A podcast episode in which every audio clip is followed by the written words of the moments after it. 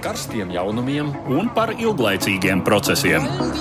par idejām, par cilvēkiem, par naudu, Un par laiku, par abām mūsu planētas puslodēm. un lietojot abas smadzeņu puslodes.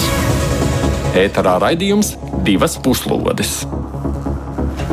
Labdien, sakām jums mēs, Edvards Liniņš un Aits Tomsons. Mēs tiekamies ik trešdien šajā laikā, lai runātu par pasaules notikumiem. Nu, tiesa, pēdējā laikā gan arī tikai par Ukrainu un visu, kas saistīts ar to. Reizēm, protams, sanāk palūkoties arī kādā citā virzienā, bet šoreiz gan viss būs saistībā ar karu. Kara darbība ir kļuvusi krietni intensīvāka pēdējās dienās. Krievija pārgrupējusi spēkus un sākusi jaunu ofensīvu Ukrainas austrumos. Gandrīz visi eksperti ir vienisprātis, ka šīs būs ļoti izšķirošas kaujas, kas noteiks tālāko notikumu attīstību. Šodien ir smago kauju otrā diena. Nedaudz laika veltīsim, lai pārskatītu pašreizējo situāciju. Tikmēr pasaulē turpina apjaust, kas tad notiek teritorijās, kuras Krievi ir ieņēmuši. Kijavas piepilsētās dramatiskie kadri nav nevienu atstājuši vienaldzīgu. Tomēr, kas notiek citviet, Ukraiņas austrumos, iedzīvotāji ziņo gan par deportācijām, gan bērnu atņemšanu, aizvešanu, gan piespiedu mobilizāciju. Kādas šīm Krievijas izdarībām būs sekas? Un aizdomu pilnas baumas pienāk arī no pašas Krievijas. Ik pa brīdim pavīda runas par kādiem atstādinātiem vai aizturētiem mm, spēka struktūru pārstāvjiem. Ne visas baumas apstiprinās. Netrūkst spekulāciju par to, kāda nedrošība valda Krievijas varas aprindās. Cik šīm runām ir vērts pievērst uzmanību un vai vispār ir cerības uzzināt, kas šobrīd patiesībā notiek Maskavā? Nu, tāds vispārējos vilcienos izskatās šīs stundas saturiskais veistījums. Nu, kā parasti komentēsim, mēs gan studijā, gan būs sazvanīšanās. Un Edvards ir arī sagatavojis Evijas runāms ierunātos notikumu īsus apkopojumus. Ar pirmo tūdaļu pat sākam. Jau kopš Krievija marta un aprīļa mijā atvilka savus spēkus no sākotnēji ieņemtajām teritorijām Ukrainas ziemeļdaļā, tika gaidīta Krievu spēku aktivizēšanās valsts austrumos. Šeit Ukrainas armija joprojām daudz vietā notur pozīcijas, kuras ieņem jau kopš 2015. gada, un šeit esošais Ukrainas armijas grupējums tiek uzskatīts par kaujas spējīgāko Ukraiņu spēka daļu. Iebrukot Ukrainā februāra nogalē un ieņemot teritorijas tās dienvidos un ziemeļaustrumos, Krievi spēki apdraud šī grupējuma dienvidu un ziemeļu flangus, un kaujas šeit risinājušās jau vairākas nedēļas. Kopš šīs nedēļas sākuma Krievijas armija aktivizēsies visā frontes līnijā, Ukrainas austrumos, un Ukrainas prezidents Volodimirs Zelenskis savā uzrunā pirmdienas vakarā paziņoja, ka kauja par Donbasu ir sākusies. Vakar pēc intensīvas artērijas sagatavošanās uguns Krievijas spēku uzsāka plašu uzbrukumu Ukraiņu pozīcijām austrumos. Līdz šim tiek ziņots par vienu Krievijas spēku panākumu, ieņemot Kremlinas pilsētu Ukraiņu Donbass pozīciju ziemeļdaļā, un tādējādi pavirsoties nedaudz tuvāk strateģiski svarīgajām Slovjanskas un Kramatorskas pilsētām. Citur Ukraiņu spēki līdz šim noturējuši pozīcijas. Tāpat Krievijas spēki turpina centienus salauzt Mariupoles aizstāvu pretestību viņa pēdējā atbalsta zonā, gigantiskās metālurģijas rūpnīcas Azovstaļa teritorijā. Kā zināms, Ukraiņu spēku ielēkums Mariupolē ilgst jau kopš marta sākuma. Šobrīd tiek lēsts, ka Krievu spēku pārsvars pār pilsētas aizstāvjiem dzīvā spēka ziņā ir viens pret desmit, tāpat absolūts pārsvars visa veida smagā bruņojuma ziņā. Kā vakar publiskotā video uzrunā pauda Ukraiņu spēku komandieris Mariupolē Serhijas Volina, pilsētas aizstāvjiem šīs iespējams esot pēdējās dienas, ja ne stundas. Krievijas puse pēdējās dienās vairāk kārt izsludinājusi uguns pārtraukšanu, aicinot pilsētas aizstāvus nolikt ieročus, taču līdz šim šie aicinājumi ir ignorēti. Nu pat izsludināts kārtējais priekšlikums pamest Azovstaļa teritoriju un padoties šodien pēc diviem pēcpusdienām.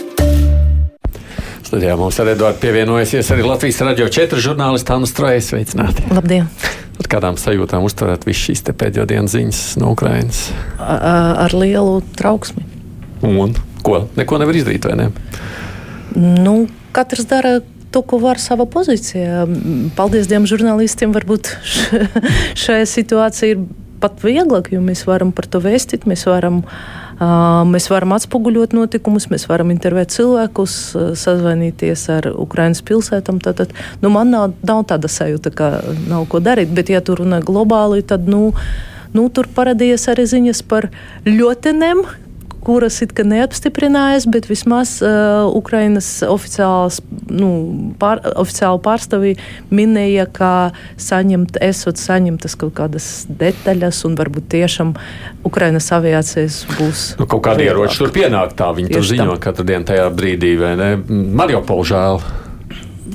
Nu, protams. Protams, es domāju, ka ne, ne jau Mm, tajā labdarības koncerta, kas izskanēja pirms, eh, man liekas, jau trim nedēļām, tur salīdzināja Mariupolu ar, ar Leņņģerādas blokādi. Un, un, manuprāt, tas salīdzinājums ir ļoti pamatots.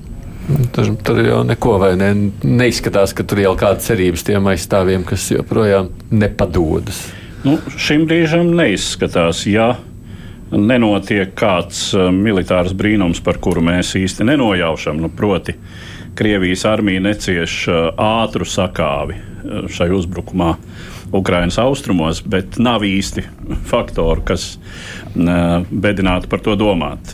Krievijas resursi pagaidām ir bijuši pietiekami, lai šo uzbrukumu sāktu, un kamēr frontes līnija paliek tur, kur tā ir, um, nekādas reālas iespējas palīdzēt Mariupols aizstāvjiem nav. Un, Krievijai, eh, Krievija ir vairāk kārt eh, noraidījusi eh, arī piedāvājumus izvest Mariupolis vismaz civiliedzīvotājus ar kādu neitrālu valstu kuģiem vai kā tam līdzīgi. Nu, diemžēl, jāsaka, arī Azovsteļa rūpnīcā, kas ir vienkārši rūpnīcas teritorija, kur nav, nav nekādi dzīvojamie masīvi vairs. Ja? Arī tur joprojām ir civiliedzīvotāji. Kāds tūkstots esat? Kas pamatā, cik es saprotu, ir šeit Mariupolē dislocēto ukraiņu karavīru ģimenes locekļi. Mm -hmm. Uh, nu, vai arī citi cilvēki, kas tur vēl ir palikuši. Un, uh, nu, viņu liktenis, protams, arī ir absolūti neapskaužams. Bet, uh, nu, Krievijas humanisms līdz šim nav piedzīvots šādās situācijās. Un tas, tas, ko viņi, tas, ko Krievija pusē, tātad, nu, kā mēs dzirdējām, pieprasa, nolieciet ieročus, padodieties. Bet uh, padošanās šajā gadījumā arī, uh, cik var noprast no visa, ko Krievija līdz šim ir teikusi par konkrētajiem Mariupolas aizstāvjiem, sevišķi par pulka Azovu karavīriem. Mm, mm. Nu, tad padošanās negarantē Dzīvību. es teiktu, dzīvības saglabāšanu. Mēs esam sazvanījuši savukārt šobrīd Latvijas televīzijas žurnālistu Gintu Amoliņu. Gintu mūs dzirdi, halo! Labdien! Labdien. Labdien. Kur tu atrodies? Pastāsti! Pat labi atrodos uh, Poltavā, uh, kas ir uh, Ukrainas uh, ziemeļa austrumi, tā kā vairāk uh, tādās kā krustcelēs atrodas starp Harkivu, Dņipro un Kijevu. No šejienes līdz Harkivai ir kāds 150 km, kādas divas stundas brauciena attālumā Harkiva. Tāpat arī Dņipro un arī Kieva, tādas kā krustceles Ukrainas ziemeļa um, austrumos.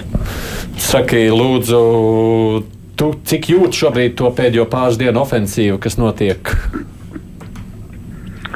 Šeit Poltavā to varbūt neizjūt tik ļoti.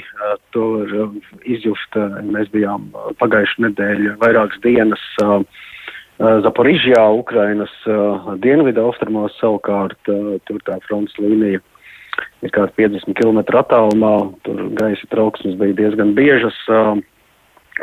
Saprotu, cik noprotams arī no ziņām, ka ir uh, pretgaisa aizsardzības sistēmas notriekušas arī, tomēr mēs tur bijām kaut kādas raķetes, kas pārlidojušas, un tā situācija saspringtā, ka Poltava ir pat labam attālāk no kauju zonām, un tās, ka šodien pat šķiet šeit nav bijusi neviena gaisa trauksme vispār šodien Ukrainā kopumā, šķiet skatoties pēc gaisa trauksmēm.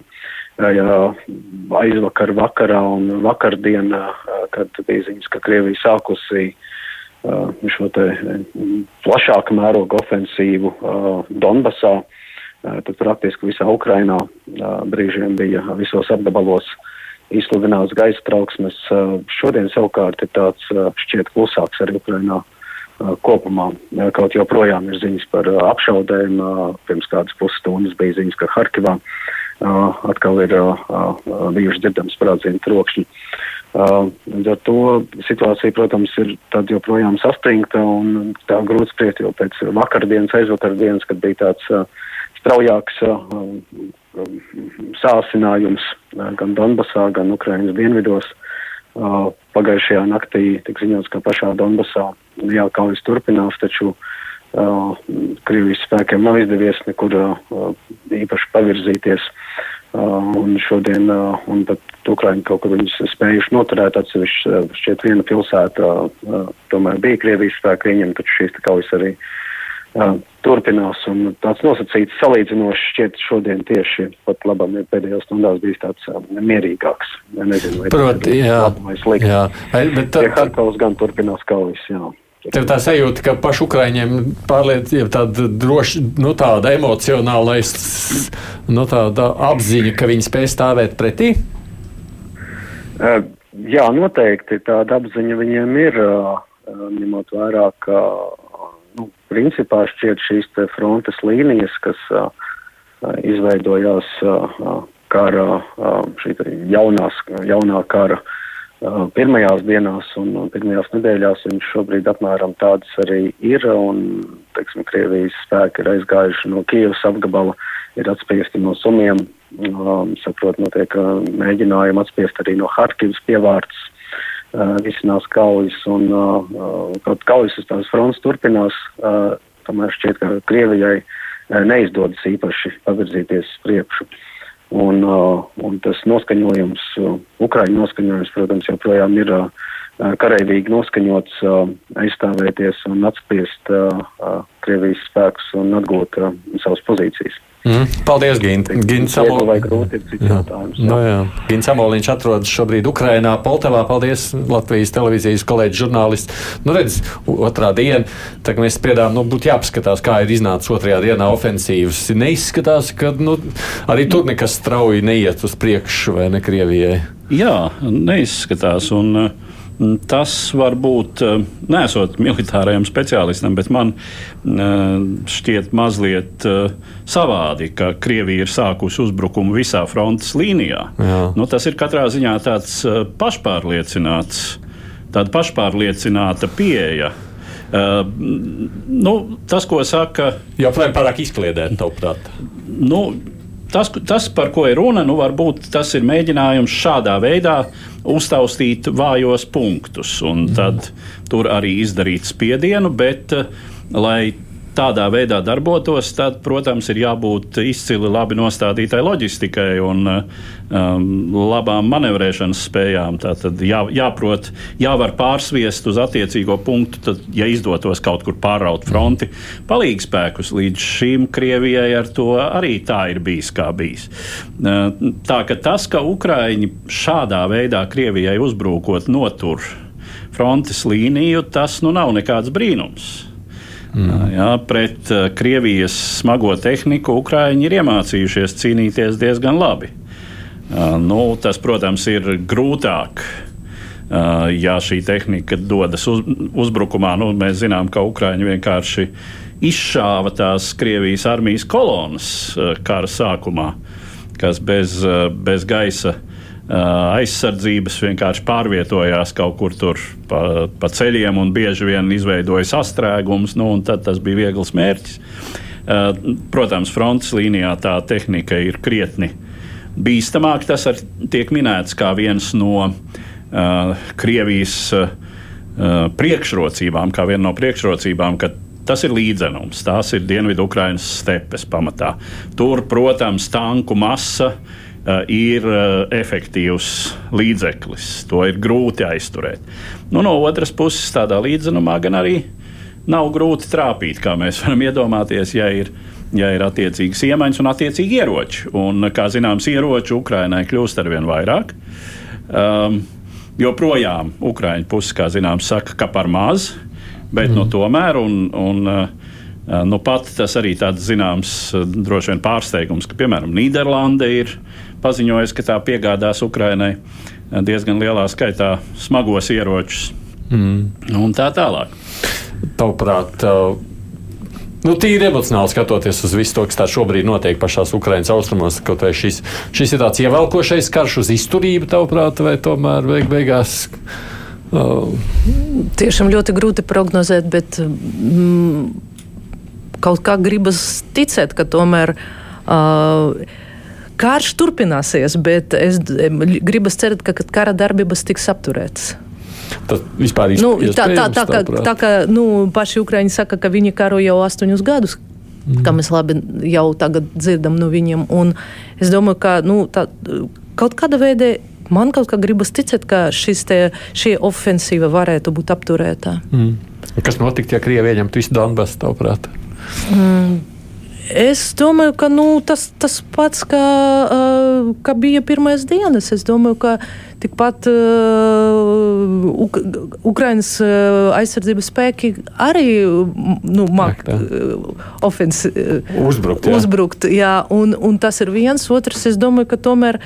Um, cilvēciskais faktors un tā demoralizācija, kas notiek patreiz Krievu armijā, uh, nu, arī ir ļoti uh, nozīmīgs faktors. Un uh, tie cilvēki, kuri tie karavīri, kuri jau saprot, um, ka viņi ir iesaistīti karā, šo cilvēku, un kuri nevēlas karot, šo cilvēku arī kļūs bišķiņi mm -hmm. vairāk. Un es kaut kā domāju, ka tas faktors arī varētu kaut kā salauzt to ofensīvu no iekšpuses.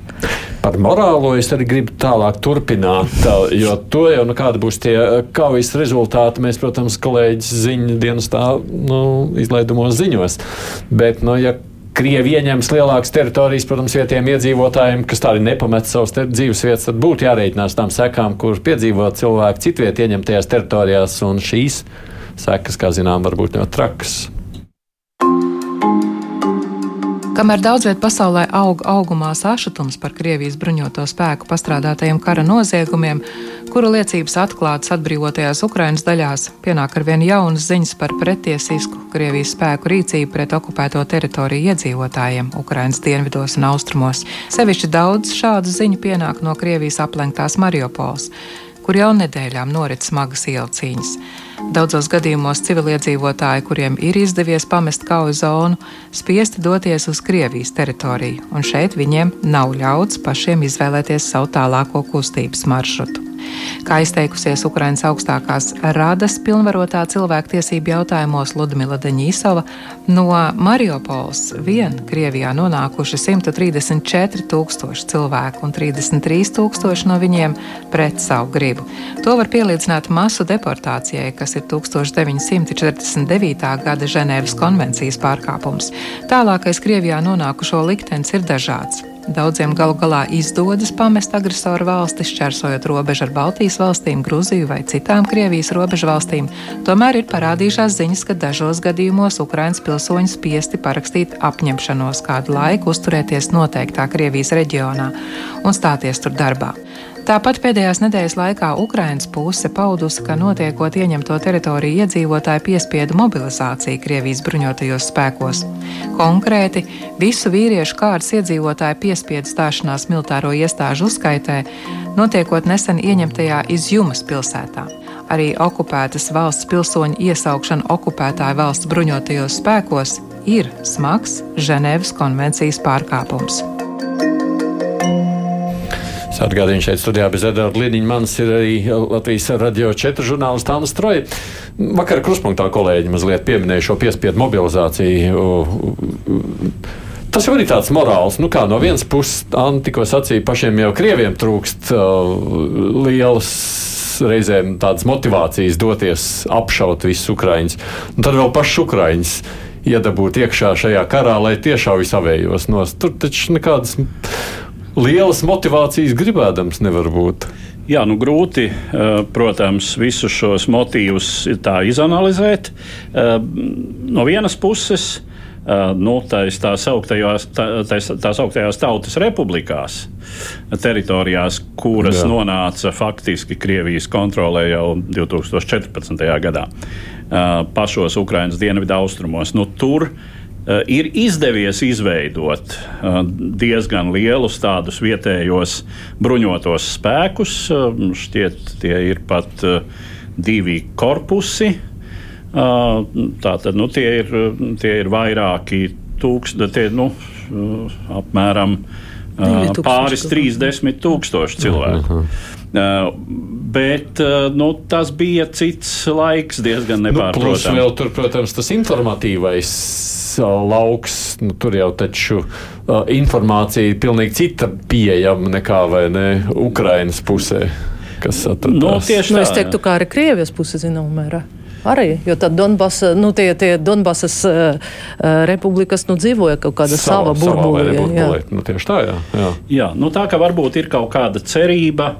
Uh, kā arī šeit, nu, kas arī ir tāpat Ukraiņas austrumu, kur pamatā ir krievalodīgi iedzīvotāji, uh, par to uh, mobilizāciju nu, tā nav pagaidām, tā nav, cik var saprast, masveidīga mobilizācija, kāda tā notika savā laikā jāatceras otrā pasaules kara, mm -hmm. sevišķi beigu posmu, piemēram, runājot par Latviju, nu, kad tiešām tur, kur ienāca sarkanā armija, tur visi vīrieši, kas bija daudz maz spējīgi nest ieročus, tika momentā savākti.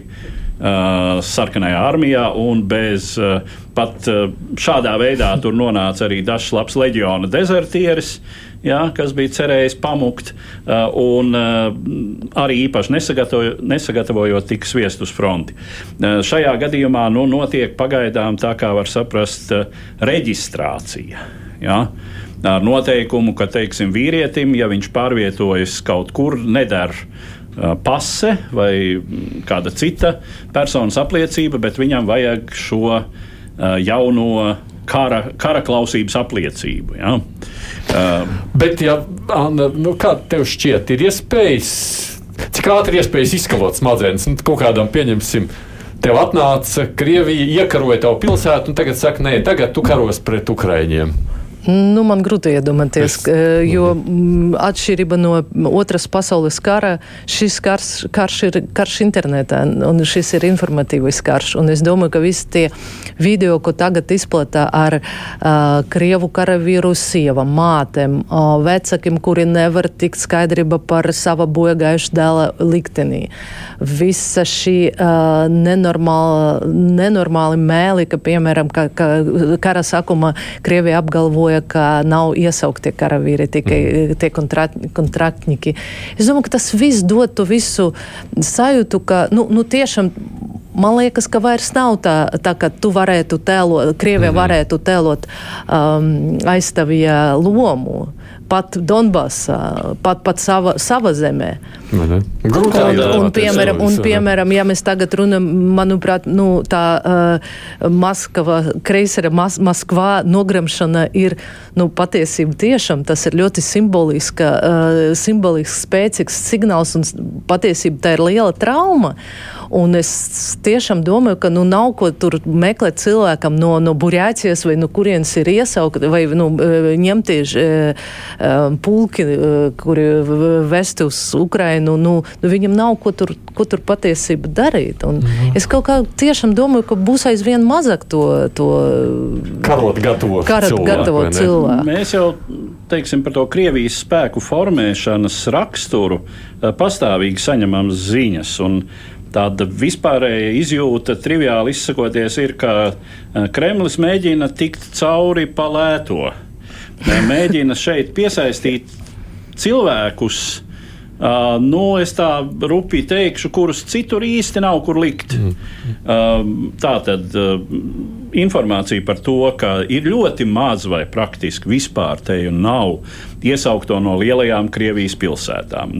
Ne no Maskavas, ne no Sanktpēterburgas, ne no citām lielajām pilsētām, kur uh, dzīve ir uh, salīdzinoši labāka, kur uh, arī cilvēku izglītības līmenis. Um, tomēr dažādu līdz nesenam laikam politisko noskaņojumu. Un es atvainojos, kur pastāv varbūtībā arī protestiem. Jā, kur, kur paši cilvēki vieglāk lielās pilsētās var organizēties protestiem. Un kā iesaukti, vai, vai tie būtu um, obligātā dienesta vai pat līguma karavīri, ka tie tiešām ir no nomalēm. Uh, no teritorijām ar salīdzinoši sliktāku dzīves līmeni, attīstību un tā tālāk. Un tā tālāk. Nu, jāsaka, Jā. nekā jaunu šajā pasaulē. Ja? Bet, nu, labi, atgriežoties savukārt pie okupētajām teritorijām, tā otra ziņa par tām deportācijām, mm -hmm. ko mēs tikko dzirdējām ierakstā. No vienas puses jau taču labāk ir būt deportētam uz Krieviju nekā nogalinātam, vai ne? Nu, droši vien, es nezinu, man paldies Dievam, nav, nav, nav, nav šis izvēles. Paldies. Ko Krievijai var dot tas, ka viņi aizved cilvēkus? Uz savu Zini, man, zemi. Man, kad es to lasu, es arī man, man nav nekādas skaidrības. Jo nu, es jau biju lasījusi ar, arī par bērniem, kurus tagad adoptē Krievu ģimenes. Bet, jā. Nu, Nu, tas kaut kā arī, nu, nu, vai tiešām tas ir uh, veids, kā viņiem tam ģimenēm. Viņiem jau savijos nu, nav kas no bērniem nu, nu, paņem, vai ne? Kaut, jā, kaut vai, jā, vai es, es domāju, varbūt arī tie cipari ir bišķiņ pārspilēti. Es, es pat nevaru. Cik tā ziņā varētu uzticēties, jā, jā, saka, jā. jā. Jo, ne, droši vien šis process pastāv, bet cik viņš ir tiešām liela, nu, liels, jā. tas Te atkal, nu, droši vien jāsaka, ne deportācijas, kā mēs to varbūt vēsturiski iedomājamies, nu, klasiskā jā, nozīmē iekrāmēja vagonā. Un tur, drīzāk tā, ka, tur drīzāk tā, ka es biju lasījusi, es nezinu, bet es biju lasījusi, ka uh, viena momenta no Mariupoles uh, uz Ukrainas puses cilvēki varētu tikt tikai ar savu, savu autotransportu, bet pretē bija organizēti autobusi. Un tāpēc tie patiesība tie uh, cilvēki no Mariupoles, kuri uh, ierodas Latvijā, kā jau minēja Eduards, lielākoties nāk caur no Krievijas, caur Krieviju, bet viņi tik un tā ir, nu, viņi var pārvietoties. Viņi... Tiesa, es biju lasījusi arī interneta vienu ziņu par to, ka pat kaut kāda tur aizpolāra uh, apgabala uh, parādījās kaut kādas, uh, kaut kādi tie Ukraiņa. de deportēti, bet, Aha. nu, es gan tam nu, neīpaši es, ticu. Es pieļauju, ka tur ir arī, teiksim, tās Krievijas nesakārtotības, ko mēs mēdzam dēvēt par bardaku moments, uh, ka nav jau īsti nekāda sistēma nav izveidota, uh, bet, nu, tie cilvēki tur nonāk, Uh, un, un tad ir jādomā, ko ar viņiem iesākt. Vēl jau ir jautājums um, par to, par ko arī ir pagaidām tikai tādi nostāsti. Uh, kā tad darbojas viss tā filtrēšanas sistēma, jo, nu, kas attiecas uz mhm. vīriešiem, tad, bet arī sievietes, uh, cik var tos stāstus lasīt, tiek pratinātas.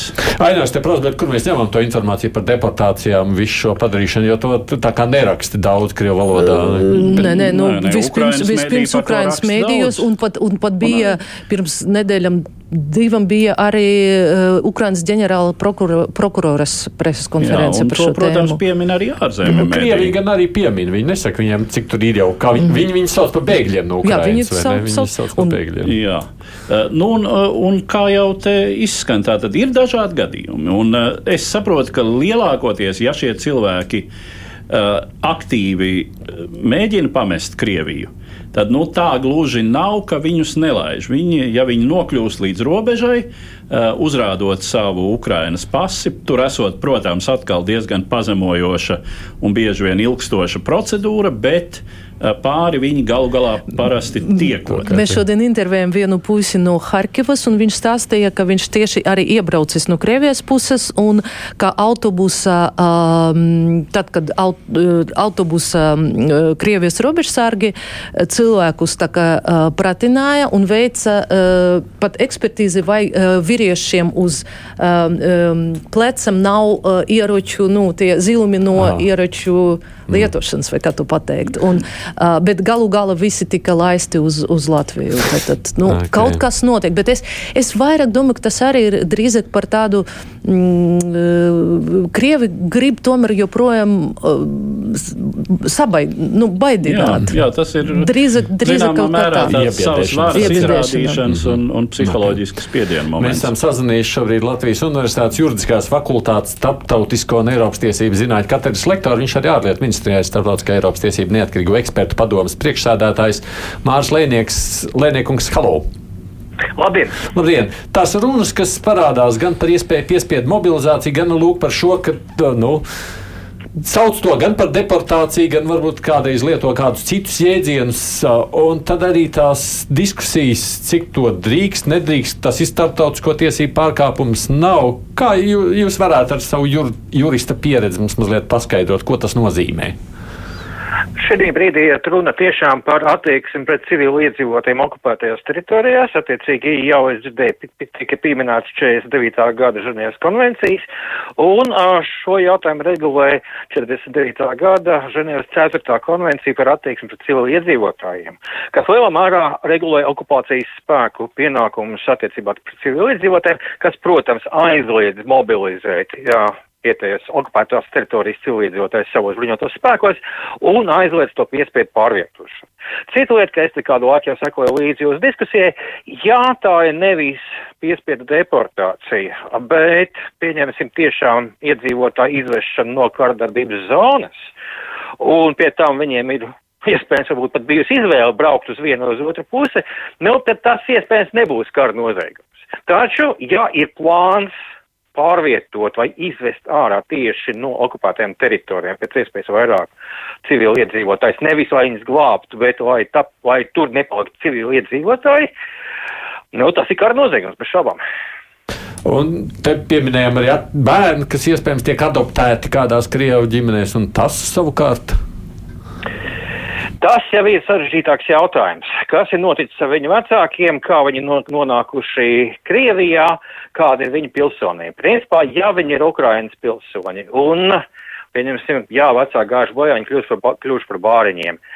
Um, vienkārši atdot adopcijai Krievu ģimenēs, pat aiz humanismu apsvērumiem, nu, iespējams, tas varētu būt labais humanismu apsvērumiem tajā pašā laikā.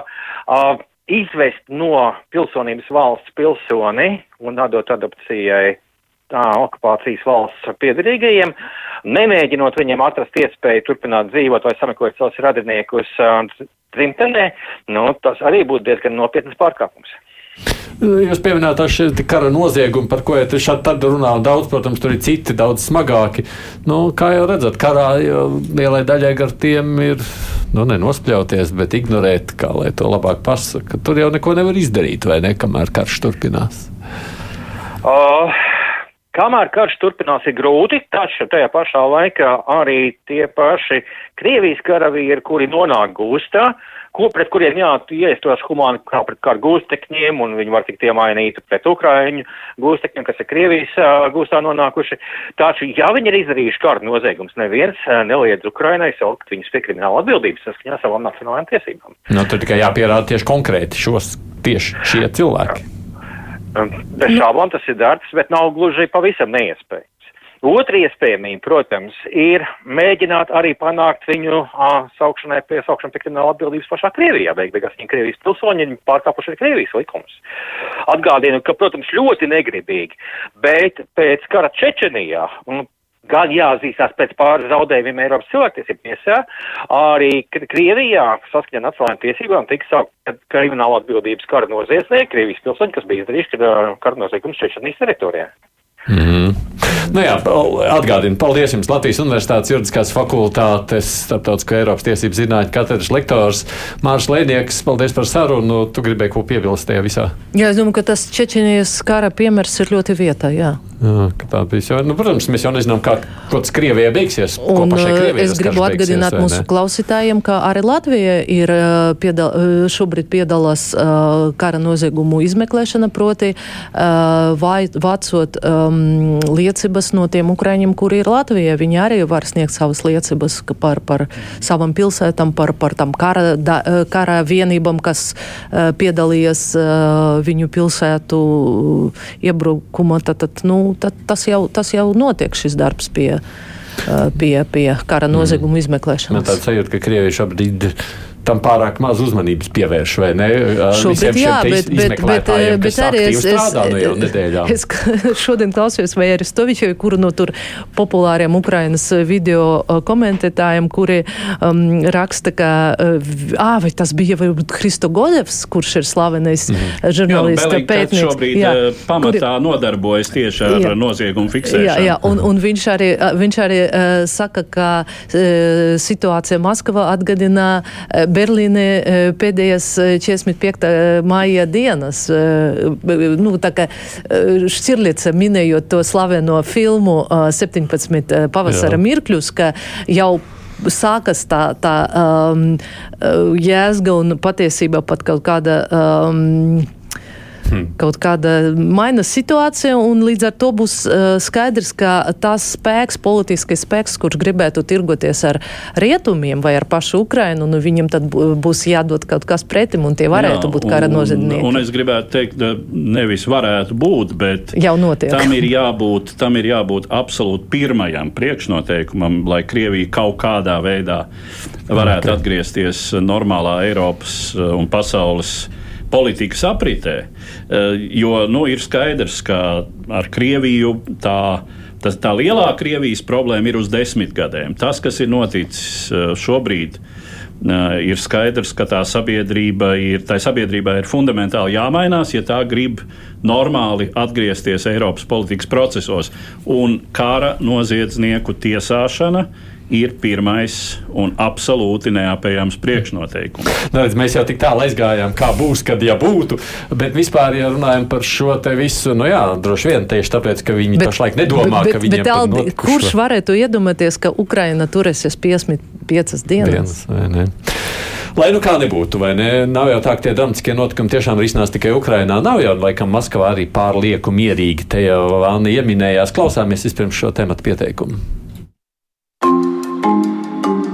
Kas īsti notiek aiz Kremļa sienām? Šāds jautājums arvien aktīvāk nodarbina analītiķus un arī vispārējo politikā ieinteresēto pasauli kopš Krievijas iebrukuma sākuma Ukrainā.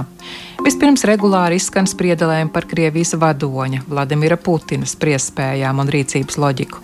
Pats karš Ukrainā un viss tā gaita liek jautāt, cik lielā mērā Kremļa saimnieks apzinās savas rīcības iespējamās sekas. Tāpat tiek spekulēts par to, cik pilnīga informācija nonāk Putina rīcībā. Pēdējais rietumu līderis, kurš klātienē tikās ar Vladimiru Putinu, bija Austrijas kanclers Karls Nehammers pagājušās nedēļas sākumā. Saskaņā ar viņa sacīto, Krievijas līderis ir pietiekami informēts un adekvāti domājošs, taču viņa domāšana un rīcība pilnībā pakļauta viņa individuālajai kara loģikai. Tam vairāk vai mazāk piekrīt visi, kuri tā vai citādi analizē Putina rīcību. Tradicionālā nozīmē prezidents ir garīgi vesels, taču ir pilnīgi sava gadu gaitā izkoptā un nostiprinātā pasaules redzējuma varā. Un saskaņā ar šo pasaules redzējumu Krievija izcīna fundamentālu cīņu pret kolektīvajiem rietumiem, par savu vietu pasaulē un pat par savu eksistenci. Otrs nozīmīgs jautājums ir par to, kurš un kā šobrīd vada Krievijas bruņotos spēkus. Krievijas aizsardzības ministrs Sergejs Šoigu uz vairāk nekā trīs nedēļām bija pazudis no publiskās aprits un izskanēja spekulācijas par nopietnām sirdsdarbības problēmām vai pat iespējamu turēšanu apcietinājumā. Taču vakar Krievijas aizsardzības resora vadītājs beidzot atkal parādījās atklātībā, uzstādamies aizsardzības ministrijas kolēģijas sēdē. Tāpat izskanējušas ziņas par daudzu augsta ranga Krievijas armijas un drošības struktūru virsnieku arestiem. Jau marta sākumā izskanēja ziņas par mājas arestu noteikšanu Federālās drošības dienesta 5. nodaļas priekšniekam ģenerālim Sergejam Besedam. Aprīļa sākumā parādījās apgalvojumi par viņa arestu un ieslodzīšanu vēsturiskajā Lefortovas cietumā taču Krievijas instances šo informāciju joprojām noliedz. Ap šo pašu laiku parādījušās ziņas, ka mājas arests noteikts bijušam Putina palīgam Vladislavam Surkovam, kurš bija cieši saistīts ar Krievijas graujošo darbību Ukrainā. Tāpat no Krievijas puses, saprotams, nav apstiprināts plaši apspriestās ziņas par vēl 20 ģenerāļu armijas ģenerālštāba virsnieku apcietināšanu. Tomēr šai ziņā zīmīga varētu būt Krievijas dienvidu kara apgabala komandiera par Sīriju. Sīrijas miesnieku devētā ģenerāļa Aleksandra Dvorņikova iecelšanu par Krievijas okupācijas spēku komandieru Ukrainā. Tiek lēsts, ka līdz ar to iebrukuma komandēšana nodota dienvidu kara apgabala štābam, jo armijas ģenerālštābs šobrīd nespējot pilnvērtīgi veikt savas funkcijas.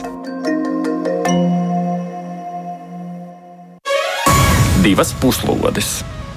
Tās informācijas baumas ir tik daudz, kā lai zinātu, kam ticēt, kam nē, ko saprast no tā visa. Nu, pat... Es domāju, ka jā, jāseko nopietniem avotiem, un, un uh, nu, es nezinu, es kaut kā Berlīnā tam uzticos. Uzties, jā. Jā. Bet, jā. Un, bet, bet skan tas fantastiski. 20 apcietināti ģenerāli vispār prata, ne, prata neaptverams. Nu, Krievijā ģenerāli esot ap tūkstoti. Tomēr arī 20 no tūkstotis. Arī, arī 20 no tūkstoša ir, ir liels skaits. Nē, nu jā, un sevišķi tie ir ģenerālštāba virsnieki. Tieši tā. Jā, tie jau nav, uh, protams, katrā, katrā Krievijas garnizona pilsētā ir uh, komandieris, ir ģenerālis, ne, nepārprotam, un pat, pat vairāk. Bet ne? informācijas, tas pats Šoigu pieminētais, nu, likās diezgan jau daudz apspriest. Nu, viņš tā reanimācijā ar inf infarktu vai ne ļoti plaša. Jā, nu, paklausoties viņu tai aizsardzības ministrijas kolēģijas sēdē. Likās, ka viņš pēc infarkta? Uh, nu, sevišķi uh, raita tā runa nebija. Mm. Viņš runāja mm, pastāvīgi te jau aiz katra vai katra otrā vārda iepauzējot. Un, Un tā mehāniski diezgan mm. uh, nu, grūti teikt. Es, uh,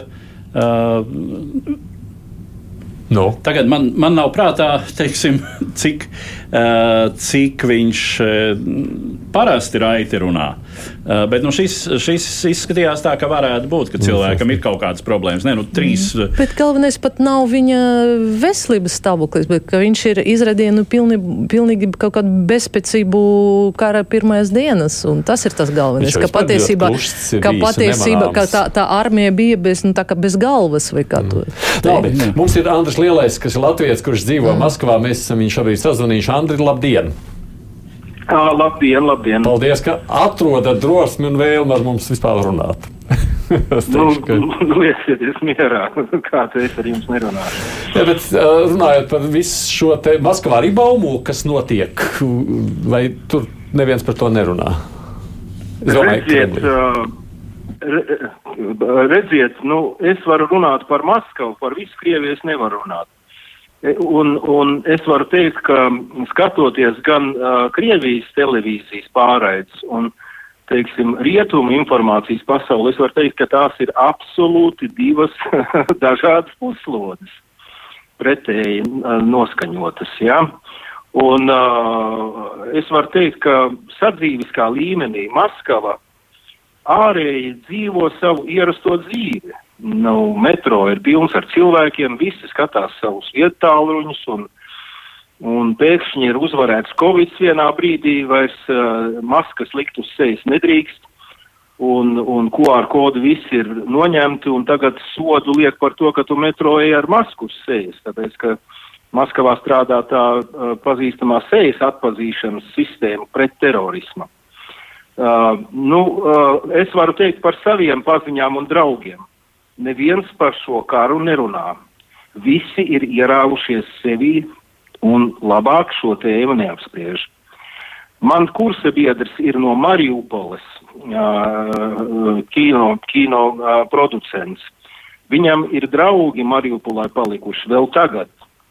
Vienīgais, ko viņš teica, ka zem Azovas tās Staļnoizavotu dzels rūpnīcas ir vesela pazemes pilsēta Un viņš teica, ka tas ir līdzīgs apmēram Odesas katakombām, kur var ilgu laiku dzīvot autonomi. To viņš pateica. Un tad viņš teica tādā ļoti m, mm, praktiskā eh, viedoklī, viņš teica, nu ko, pēc kara Mariupole būs krieviska, ķīniska un uh, vidusāzijska atjaunos visu pilsētu citi cilvēki un mainīsies etniskais sastāvs. Bet atcerieties, man... padomu laikos, Andri, bija tā, ka tad, kad kaut kas tur. Nu, cilvēks sēdēja virtuvē un apsprieda Brežņevu vai, vai, vai, vai, vai Afganistānu. Vai, vai Afganistānu. Nav tā, ka. Jūs ziniet, nu, ziniet Afganistānu neapsprieda. A, apsprieda visādas citas lietas, klausījās Amerikas balsi. Šobrīd Facebooku lasa, kā kādreiz klausījās brīvo Eiropu un Amerikas balsi. Ja? Vajadzīgs ir speciāls uh, eh, VPN uh, atšifrētājs, lai, lai, lai tev nerāda, ka tu esi no Krievijas, bet no kādas citas valsts, jo Krievijā Facebooks ir aizliegts. Un, teiksim, man brīnums ir tas uh, mans uh, fragments, ko es izliku Facebookā ar, ar to, ko man izdevās pateikt uh, Krievijas televīzijā NTV. Uh, Viņš, viņam ir pāri par divi miljoni skatījumu Krievu auditorijai. Priekš Facebook tas ir kaut kāds nebijis cipars. Un kādi vairāk kā simt tūkstoši laiku ir. Un, un, tā tad pakluso sēž, skatās un tomēr kaut ko tur apspriež. Jā, un, un, un es gribu teikt, ka ļoti mani atbalsta no visām pasaules malām. Gan krievi, gan latvieši, gan ebreji, gan uh, gan, gan uh, uh, no citām bijušām padomju republikām, bet to dara nevis publiski, bet privāti, teiksim, messengerā vai, vai kādu citu īziņu atsūtot tieši, ja.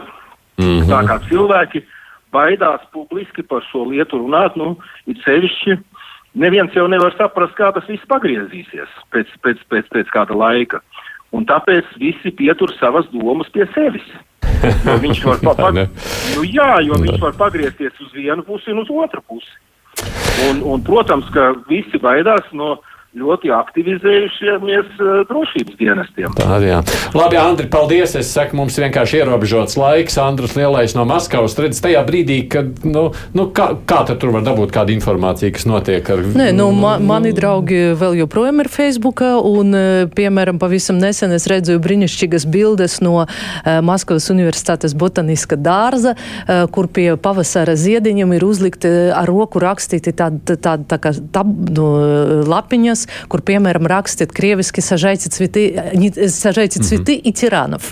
Tātad stādīt tā kā puķes un, un, un jā, sažaiti ir arī iesēdiniet. Stādiet puķes un, un iesēdiniet tiranus. Jā, jā, vai, vai piemēram, uh, uh, kaut kā krokusi, krokusi un miers, labāk nekā karš un tam post. Nu, kaut, tad, tad, principā, tur kaut kāda, nu, mēs to, ne, protams, nesauksim par partizāņu kustību, bet, nu, kaut kāda pretkara, uh, pretkara aktivitātes ir arī, ir arī Maskavā un, nu, un, un citas pilsētas. nonāk, vai ne tādā veidā no Krievijas? Kaut kā, nu, šādi, kaut ko viens pastāst, otrs kaut ko mazliet līdzi. Jā, nu, tas vairs nav arī baumas. Jā, tas, ne, bet es, piemēram, arī... domāju par to, kas notiek tur Kremlī, vai tur kāds ir arestēts. Nē, nu, par Kremli tur, ir, tur ir Nu, vairāk informācijas. Tur, piemēram, mēģināja sazvanīties ar to pašu e, besēdu, kas ir, e, es, kā, kā tas ir Nu, Latvijas Federālā drošības federālās dienesta, drošības dienesta piektas, um, jā. piektas, de, pie, piektas Pārvaldes pārvaldes vadītājs. Un viņš jau Sen- na- sen jā, nav jā, sazvanāms. sen nav sazvanāms un ir arī kaut kādas liecības no,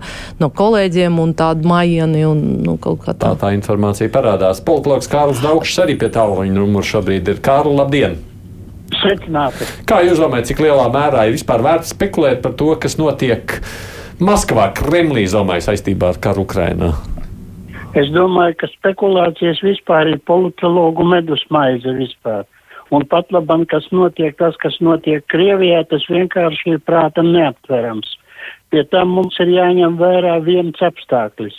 Lai kā nebūtu, bet impēriskā domāšana un impēriskā jūtoņa, viņa ir tomēr ļoti iedarbīgs ierocis uh, Putina rokās. Un pat labam viņš to cenšas izmantot pilnām riekšavām, kā saka. Tāpēc domāju, ka tomēr kaut kādi pavērsieni vai sazvērestības pat labam it kā teorijas par to, ka viņam veidojas opozīcija vai nu tur uh, un tā tālāk, tas varētu būt. Bet tas varētu būt racionālajā sabiedrībā. Šeit mēs esam uh, tomēr sadūrušies ar absolūti iracionālu, kas nepakļaujas loģiskajiem secinājumiem bieži vien. Un tāpēc arī mūsu bieži vien izteiktā vēlme uzdot vēlamu jau par īstenību, diemžēl pēc manām domām ir ļoti maldinoša. Nu, proti, šobrīd Putins kontrolē ļoti labi to, kas notiek Kremlī un vispār varas struktūrās. Jā, es piekrītu tam, ka viņš kontrolē, bet tai pašā laikā jāņem vērā arī masu iekšējais noskaņojums. Krievijā tomēr impēriskā domāšana un impēriskā pasaules uztvere ir iesakņojusies ļoti dziļi plašās masās. Un tāpēc e, nav jau tikai viens Putins faktiski, tur ir kolektīvais Putins, mazu, manuprāt. Tāpēc es domāju, ka mēs varam vilkt tās paralēles, ka pat labam viņš vet sev līdzi šo tautu, tā kā kādreiz viens ūsains idiots arī vēl vilka vācu tautu. Bet, bet kāpēc viņš tik ļoti baidās? Reizēm man tie garie galdi un, un, un, un bērēs izdzen pat ārā tos, kas stāv pie vainagiem. Kas aiz tā visa? Zināt, manuprāt, tomēr viņš vienlaicīgi ir kā visi lieli bandīti. Vienlaicīgi viņš ir personīgi ļoti bail, bailīgs un norūpējies par savu uh, iekšējo pasauli un iekšējo būtību. Viņš krāso nagus, viņš taisa botoksu, viņš sevi ārkārtīgi mīl.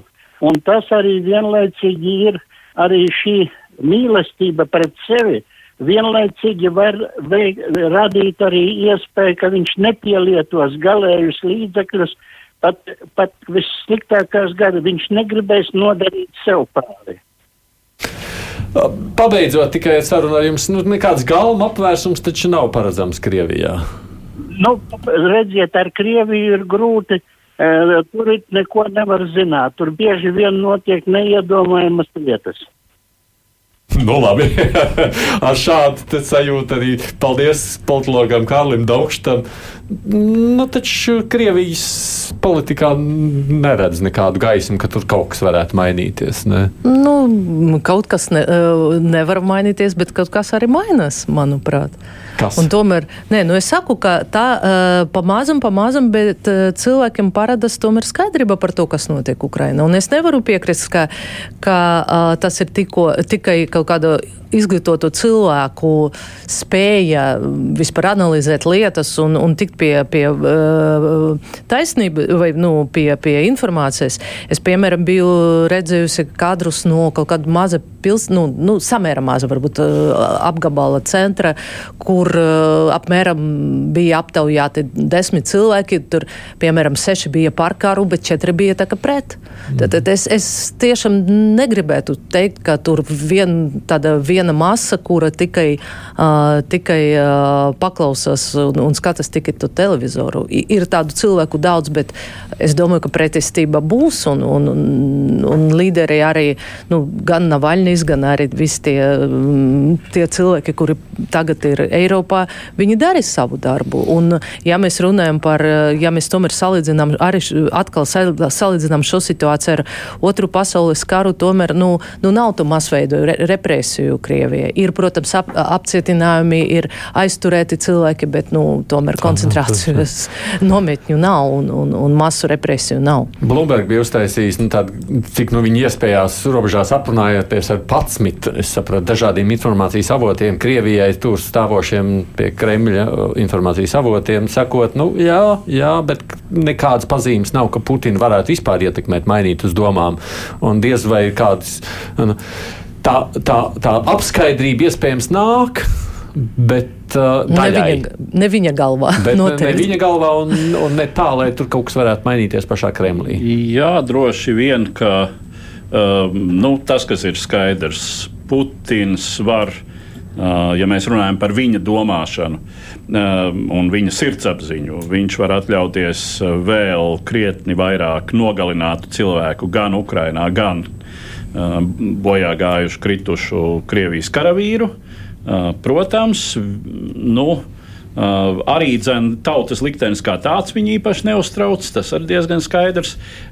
Bet runājot par Krievijas sabiedrību, nu, mēs taču tomēr, mūsu paudze, mēs šo sabiedrību esam pieredzējuši mazliet citādu. Mēs esam pieredzējuši jā, jā, protams. to pārkārtošanās laika Krievijas sabiedrību, kas, gan, protams, arī pamatā procesi jau notika lielajos centros. Un, tie varbūt neskāra tādu dziļu, dziļas nomalas, un tur savukārt šajās dziļajās nomalēs Putins veidoja savu varas platformu un savu elektorātu. Bet nu, galu galā ir jau tikai divi varianti. Vai nu Eh, Krievija mainīsies, vai arī tā ir jātur aiz dzelzceļa priekškara. Nu, tad ir jautājums, kas ar to notiks. Vai nu tā ieslīdēs pamazām eh, Ķīnas apkampienos un veidosies kaut kāda jauna pasaules kārtība, kurā būs eh, Eiropa un, un Rietumi tiešām un pret to totalitārā, um, totalitārā Āzija vai tomēr nu, Krievijai nāksies mainīties. Citādi jau nu, tad, tā Eiropas. Man tā gribētos domāt, ka tā Eiropas mūžīgā samierināšanās, kas ir notikusi vismaz 20 gadu ilgumā, ar to, ka, nu jā, Krievija ir tāda, kāda ir, bet mm -hmm. gan jau, ka būs labi. Nu, ir skaidrs, ka Tas ir beidzies. Edvards Liniņš, Šaidis Tamsons, Latvijas radio 4 žurnālists Tāna Stroja. Paldies jums par piedalīšanās. Producēja Evi Junām. Es aicinu, starp citu, klausīties arī izmantot jauno lietotni. Šobrīd Google Play un arī visās pārējās vietās var lejuplādēt Latvijas radio, starp citu, lietotni, arī klausīties. Visu labi jums! Divas puslodes!